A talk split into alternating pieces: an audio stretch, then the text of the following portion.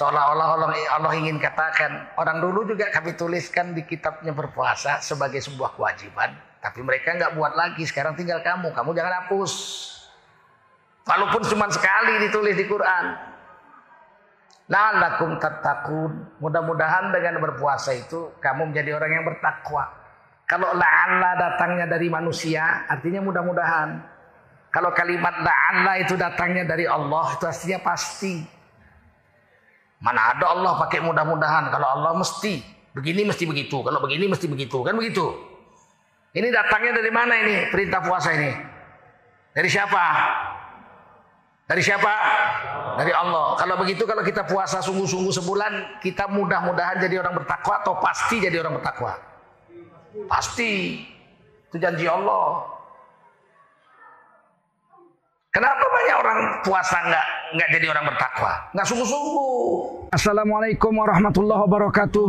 Kaum muslimin muslimat di mana pun anda berada. Saya Tengku Zulkarnain mengucapkan terima kasih atas bantuan kaum muslimin muslimat selama ini dan Alhamdulillah masjid kita sedikit lagi akan selesai dan kita akan buat pengajian pertama pembahasan kitab-kitab klasik seperti Kifatul Akhyar dan kitab-kitab akidah sunnah wal jamaah serta kitab hadis dan tafsir di masjid kita ini. Kami masih perlu satu miliar lagi untuk menyelesaikan bangunan dan sarana prasarana bagi pesantren putri kami Yayasan Barokah Sumatera Utara. Berapapun yang Anda kirimkan sangat bermanfaat untuk agama, untuk dakwah, taklim wa taklum, ibadat dan khidmat bagi agama kita. 10 ribu pun bermanfaat. 10 ribu kali 1 juta orang, 10 miliar untuk kepentingan agama kita.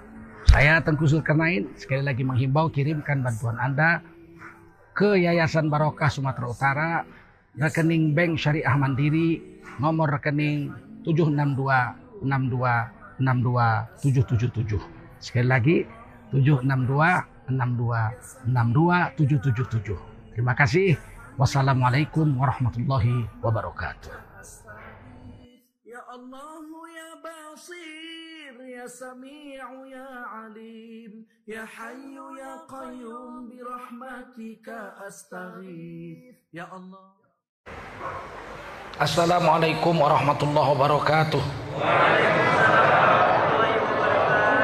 Hamdan wa syukran lillah wa salatan wa salaman ala rasulillah wa ala alihi اللهم صل على نبينا محمد وعلى آله وصحبه أجمعين أما بعد قال الله تعالى في كتابه الكريم أعوذ بالله من الشيطان الرجيم بسم الله الرحمن الرحيم يا أيها الذين آمنوا كتب عليكم الصيام كما كتب على الذين من قبلكم كما كتب على الذين من قبلكم لعلكم تتقون قال رسول الله صلى الله عليه وسلم Man kharaja fi talabil ilmi fahuwa fi sabilillahi hatta yarji. Baginda Rasul bersabda, siapa keluar untuk mendapatkan ilmu, orang itu adalah orang yang berjihad fisabilillah sampai dia kembali ke tempatnya. Mudah-mudahan kita semua mendapatkan pahala jihad dari Allah SWT. Amin. Sadaqallahul azim. Wa sadaqa rasuluhun nabiyul karim. Wa nahnu ala dhalika minasyahidina wasyakirin. Walhamdulillahi rabbil alamin. Para ulama, tuan-tuan guru yang dimuliakan Allah SWT Para umarok, Bapak RW Bapak 4 RT Bapak-bapak, ibu-ibu Jamaah Sholat maghrib isya Di kompleks bumi Minang Dan anak-anakku sekalian yang dimuliakan Allah SWT Wajiblah kita bersyukur pada Allah SWT. Salawat dan salam kita sampaikan untuk baginda Rasulullah Wasallam. Tema kita saya diminta bicara Ramadan, bulan Ramadan. Ramadan ini nama Allah, kata Imam Maliki. Ismun min asma'illah. Imam Maliki rahimahullah ta'ala, gurunya Imam Syafi'i, penghafal hadis 600 ribu hadis Beliau mengatakan Ramadan itu nama Allah. Makanya beliau memakruhkan menyebut Ramadan saja. Harus tambah bulan Ramadan. Syahru Ramadan. Bulan Ramadan. Manusia juga nggak boleh namanya Rohman, nggak boleh Rohim, nggak boleh. Rozak nggak boleh, mesti tambah Abdul. Abdul Rahman, Abdul Rozak. Karena Rozak itu nama Allah, Rahman itu nama Allah, Rahim itu nama Allah. Jadi harus ditambah hamba Allah yang maha pemurah, Abdul Rahman. Hamba, hamba Allah yang maha pengasih, Abdul Rahim. Hamba Allah yang maha memberi rezeki, Abdul Razak. Ramadan nama Allah. Harus ditambah bulan Ramadan. Itu kata Imam Maliki rahimahullah ta'ala. Bulan ada 12. Maklum bulan itu 12 dalam kalender bulan Komariah atau kalender Syamsiah berdasarkan matahari adanya 12 bulan dalam setahun. Dan itu ditulis di Quran surat Taubah. Inna iddata syuhuri indallah isna asyara syahron fi kitabillah. Ya. Sesungguhnya bilangan bulan itu di sisi Allah ada 12 bulan sejak langit dan bumi diciptakan. Yauma khalaqas samawati wal ard.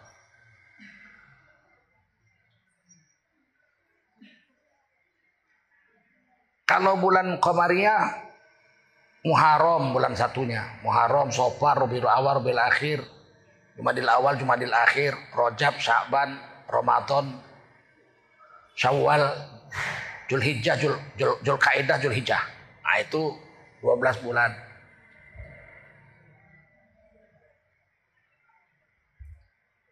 Kalau bulan Samsiah namanya karena di, dipopulerkan oleh Julius Caesar.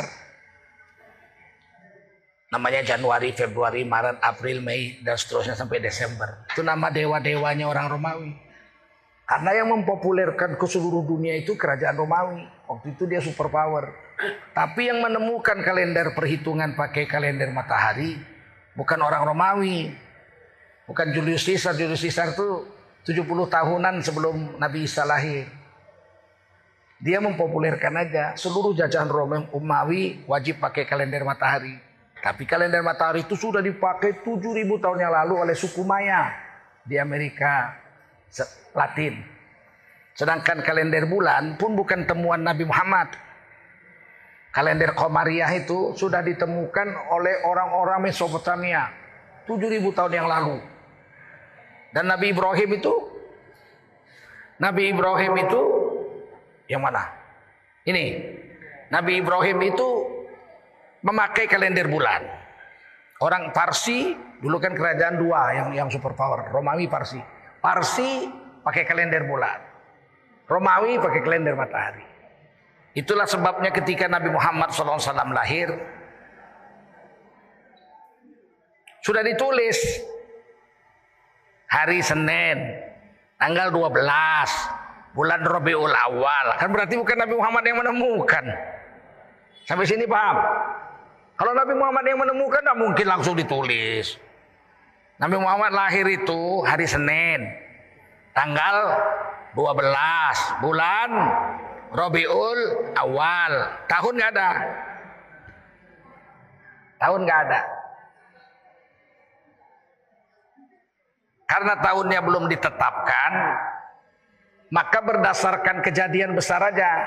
Karena tahun itu ada pasukan gajah datang dari Yaman mau menghancurkan Ka'bah, tahunnya disebut tahun gajah. Kalau ke Mekah terjadi banjir, disebut tahun banjir. Kalau terjadi perang, perang Fijar, maka disebut tahun perang Fijar. Namanya belum ada. Barulah ketika Khalifah Umar bin Khattab jadi khalifah, tahun ke-17 setelah hijrah Nabi sudah wafat, Sayyidina Abu Bakar sudah wafat. Umar bin Khattab menulis surat kepada Raja Romawi dijawab atau pakai yang inilah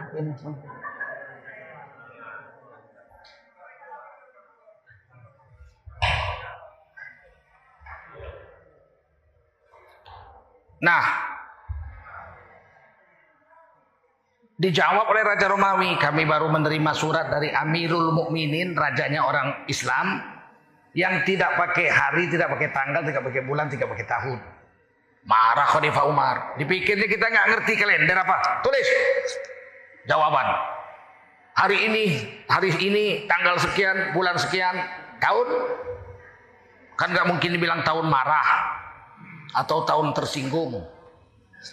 Akhirnya mereka rapat. Ayo kita tetapkan tahun nolnya itu tahun satunya berapa? Sahabat bilang, ayo waktu Nabi Muhammad lahirlah. Ah, sudah dipakai orang Kristen. Tahun satunya itu ketika Nabi Isa lahir. Waktu itu kalau gitu kita bikin waktu Nabi wafat. Yang satu lagi bilang bagaimana kalau waktu Nabi hijrah. Tahun mulai bangkitnya Islam. Setuju. Langsung tahun 17. Langsung tahun 17.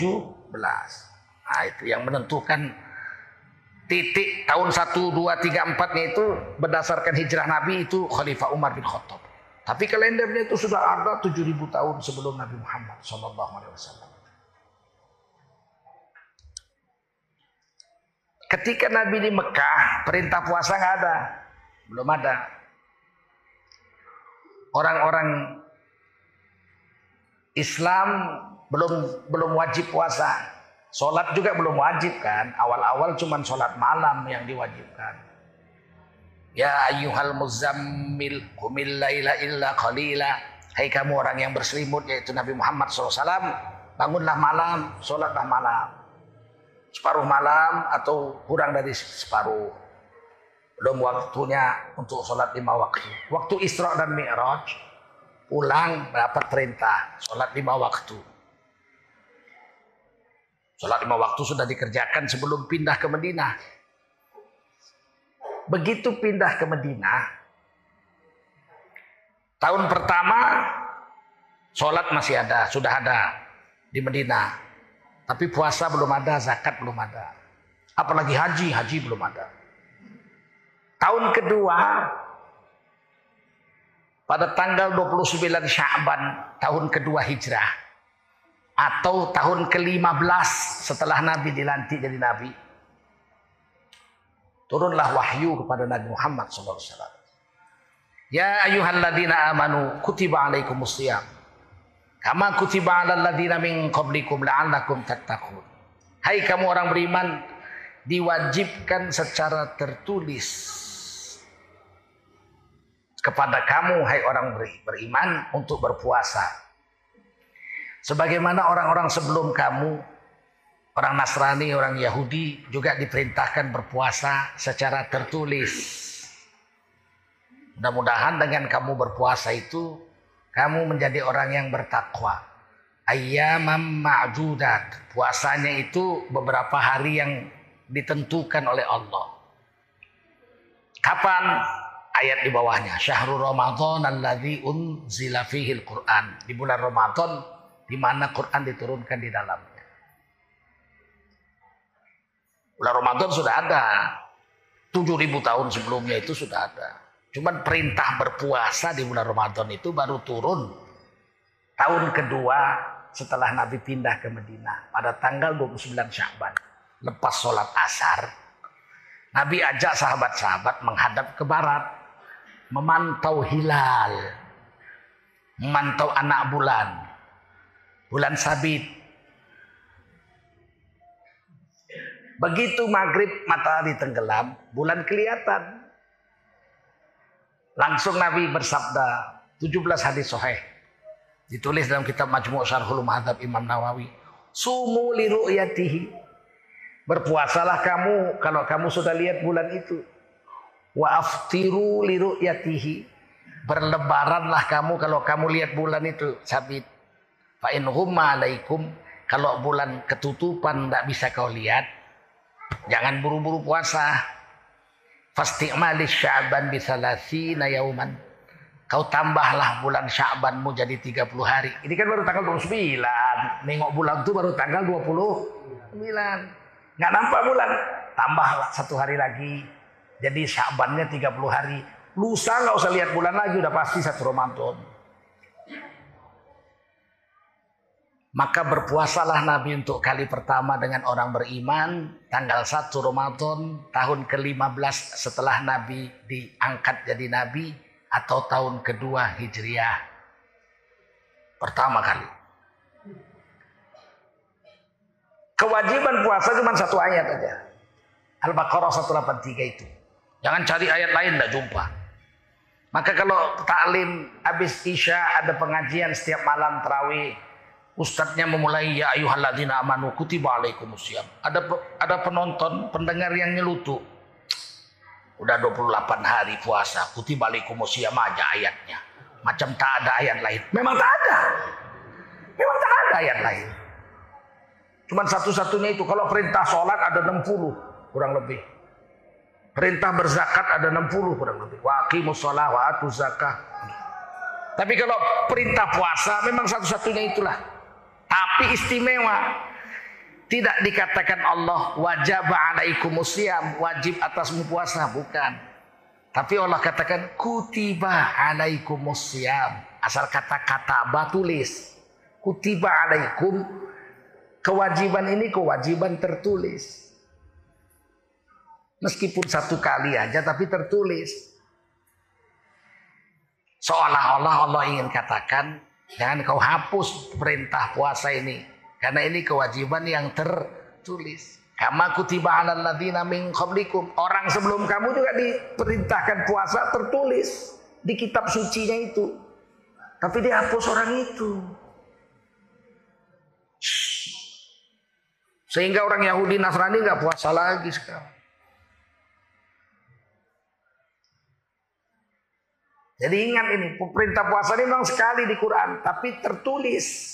Nggak bisa kau hapus sampai hari kiamat itu.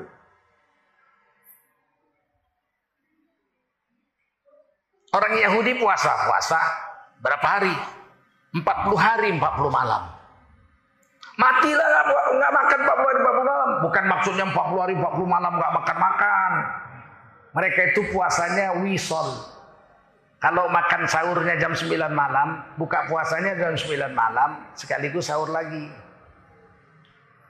Besok puasa lagi, jam 9 malam buka, terus sahur lagi. Itu namanya wisol, puasanya sehari semalam, makan minumnya sekali. Kita, syariat Nabi Muhammad, haram puasa wisol. Nah Rasulullah SAW anil wisol. Allah SWT, Rasulullah SAW mengharamkan puasa sehari semalam. Kita puasa kita minal fajri summa atim musyama ilal lail dari terbit fajar sempurnakan sampai tenggelam matahari. Habis. Kalau mereka enggak memang sehari semalam itu dipuasai. Tapi sudah mereka hapus, nggak ada lagi mereka berpuasa sekarang. Seolah-olah Allah, ingin katakan, orang dulu juga kami tuliskan di kitabnya berpuasa sebagai sebuah kewajiban. Tapi mereka nggak buat lagi, sekarang tinggal kamu, kamu jangan hapus.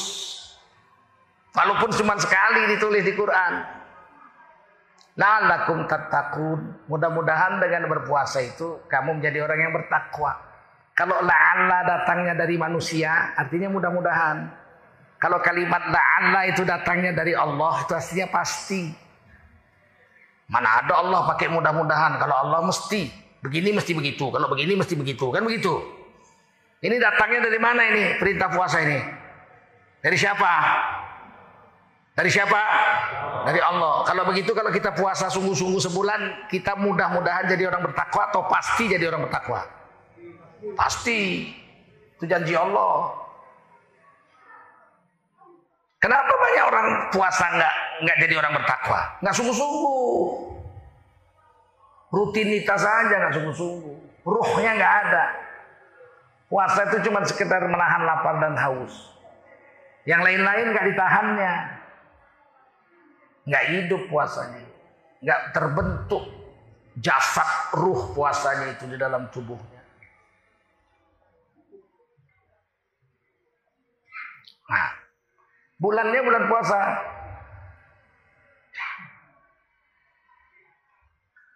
Bulan Ramadan. Bulan Ramadan ini satu-satunya bulan yang ditulis namanya di Quran. Muharram, Sofar, Rabiul Awal, Rabiul Akhir nggak ditulis namanya. Yang ditulis cuma satu, Syahrul Ramadan alladzi unzila fihil Quran. Ini bulan Ramadan, bulan di mana diturunkan di dalamnya Al-Quran. Tempat kamu harus berpuasa itu. Beberapa hari yang ditentukan itu, ayam ma'dudat itu.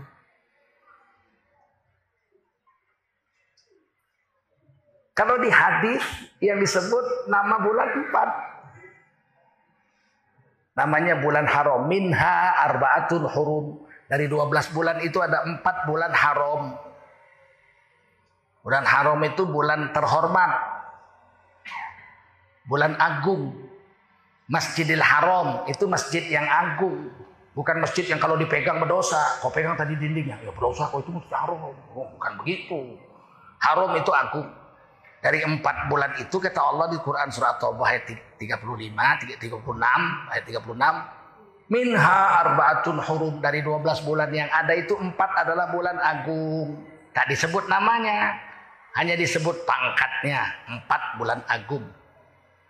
Yang menyebut namanya Rasul. Ditanya. Ya Rasul empat bulan agung yang dibilang Allah di Quran surat Taubah ayat 36 itu.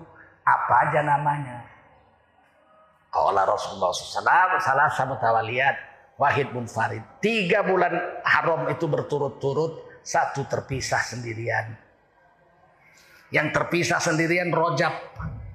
Udah lewat kemarin, ini udah syaban. Yang berturut-turut Julkaidah, Julhijjah, Muharram. Ini bulan yang agung. Kalau bulan Muharram, eh, bulan bulan bulan bulan haram itu Namanya Nabi yang sebut Rojab, Julkaidah, Julhijjah, Muharram empat. Tapi kalau bulan Ramadan namanya Allah sebut di Quran, pangkatnya Allah tidak sebut. Gantian Nabi yang menyebutkan pangkatnya. Bulan Ramadan disebut namanya, pangkatnya apa? Bulan haramkah dia? Bukan. Rasulullah bersabda, "Qad ja'akum syahrun azim." Syahrun mubarak telah datang kepadamu satu bulan yang azim. Bulan yang agung sekali. Allah pakai kata Rasulullah pakai kata azim. Bulan yang sangat agung sekali. Bulan yang penuh dengan keberkatan. Syahrul Mubarak. Pangkatnya Rasulullah yang memberi. Namanya Allah yang sebut Syahrul Ramadan. Kalau bulan haram Rojab, Julkaidah, Julhijjah, Muharram, namanya Nabi yang sebut, pangkatnya Allah yang menyebutnya di Quran surah Taubah. Itu bedanya itu. Ah. Pertanyaan kedua, kenapa bisa sebulan aja puasa menjadi orang yang bertakwa? Jauh betul itu. Yang dipanggil berpuasa orang beriman. Ya ayuhalladzina amanu. Kutiba alaikumusiyam diwajibkan kepadamu secara tertulis untuk berpuasa. Sebulan kemudian la'allakum tattaqun. Kamu orang beriman kalau sungguh-sungguh puasa sebulan, kamu jadi orang bertakwa. Ih, bedanya itu jauhnya itu. Satu Ramadan orang beriman, akhir Ramadan orang bertakwa. Oh, jauh sekali bedanya, pangkatnya itu. Apa bedanya orang beriman dengan orang bertakwa? Orang beriman mengakui Allah sesembahannya Nabi Muhammad Rasulnya sebesar apa pun dosanya sebanyak bintang di langit tambah sebanyak pasir di pantai tambah sebanyak buih di laut dosanya. Banyak betul itu. Tapi di akhir kiamat dia berhak berdiri di timbangan amal. Karena dia beriman Fa'amma man sakulat mawazinuhu fahuwa fi radiyah. Kalau ditimbang amal lebih banyak pahalanya dari dosanya orang beriman itu. Setelah ditimbang dia masuk surga. Wa amma man khaffat mawazinuhu fa ummuhu hawiyah wa ma adraka ma hiya narun hamiyah. Jika ditimbang amal orang beriman di hari kiamat lebih banyak dosanya dari baiknya, maka boleh buat walaupun beriman mesti masuk neraka dulu sampai dosanya lunas. Jadi orang beriman berhak berdiri di timbangan amal. Hasil kalau banyak baiknya masuk surga setelah ditimbang. Kalau banyak dosanya walau beriman setelah ditimbang masuk neraka. Apakah Allah kejam? Justru karena Allah adil. Kalau orang bejat sama orang baik sama-sama masuk surga, Allah nggak adil. Setuju? Ada seorang hafiz Quran dari kecil baik, soleh, takwa, sampai mati, menjaga diri dari dosa-dosa besar, siang malam beribadah, masuk surga. Tiba-tiba di sebelahnya masuk surga juga. Germo. Kata Germo ini, kau masuk surga ya? Iya kan sama-sama depan pintu surga. Apa kerjamu waktu di dunia? Saya penghafal Quran, saya orang yang bertakwa, mati-matian menjauhi dosa, siang dan malam beribadah sama Allah. Hmm. Kamu takwa juga? Enggak, saya germo. Siang malam jual bini orang. Masuk surga juga? Iya. Ah, ya enggak, lebih baik jadi germo. Betul. Kalau germo sama orang soleh sama-sama masuk surga lebih baik jadi germo. Ngapain capek-capek beramal soleh? Justru orang yang banyak amal baiknya masuk surga, yang bejat di neraka, meskipun sama-sama beriman. Karena Allah adil. Karena Allah adil. Ah, kan, tapi Ngeri kali ya, kalau banyak dosa masuk neraka, kalau banyak pahala masuk ke surga. Ngeri sekali. Tapi Allah baik. Berbuat satu pahala dibayar sepuluh. Manja abil hasanati falahu ashru amsalihah. Siapa berbuat satu kebaikan dibayar sepuluh pahala. Wa man jaa bis sayyi'ati fala yujza illa mithlaha wa hum la yuzlamun. Siapa berbuat satu dosa dibayar satu dosa. Berbuat satu pahala dibayar sepuluh. Berbuat satu pahala bayar sepuluh. Buat satu pahala bayar sepuluh. Buat satu dosa dibayar satu. Buat satu dosa bayar satu. Buat satu dosa bayar satu. Harusnya tiga banding tiga puluh. Tapi begitu ditimbang, dosanya tiga puluh, pahalanya tiga. Parah lah itu, betul. Wa ma walakin kanu anfusahum yazlimun. Kami tidak menzalimi mereka orang beriman, tapi mereka lah yang menzalimi diri mereka sendiri. Itulah orang beriman. Di akhirat berhak berdiri di timbangan amal. Belum tentu selamat. Tergantung hasil timbangan. Tapi kalau orang bertakwa tidak ditimbang. Kalau kita orang beriman mati dalam keadaan bertakwa, tidak ditimbang. Rabbahum ilal jannati. Allah giring orang bertakwa masuk surga serombongan, serombongan, serombongan, serombongan, nggak ditimbang-timbang. Ah. Kenapa orang bertakwa nggak ditimbang amalnya di akhirat? Karena sorga memang untuk orang bertakwa. Uiddat lil muttaqin. Memang sorga dijanjikan untuk orang bertakwa. Assalamualaikum warahmatullahi wabarakatuh. Kaum muslimin muslimat di mana pun anda berada. Saya sedang di Jam Gadang, Bukit Tinggi. Ini kota bersejarah. Tempat Islam bertapak di awal-awal dulu di Sumatera. Setelah Aceh, Sumatera Barat lah. Leader Islam waktu itu dengan kerajaan Pagaruyung dan kerajaan Melayu. Mari ikuti kajian Hikmah Ramadan bersama saya Tengku Zulkarnain dalam channel YouTube Tengku Zulkarnain underscore official dan UTZ official. Mudah-mudahan kita bisa meningkatkan iman kita dan ketakwaan kita pada bulan Ramadan sehingga kita menjadi orang yang bertakwa di sisi Allah Subhanahu wa taala. Terima kasih. Wassalamualaikum warahmatullahi wabarakatuh. Ya Allah ya Basir Ya Sami'u ya Alim Ya Hayyu ya Qayyum Birahmatika astaghith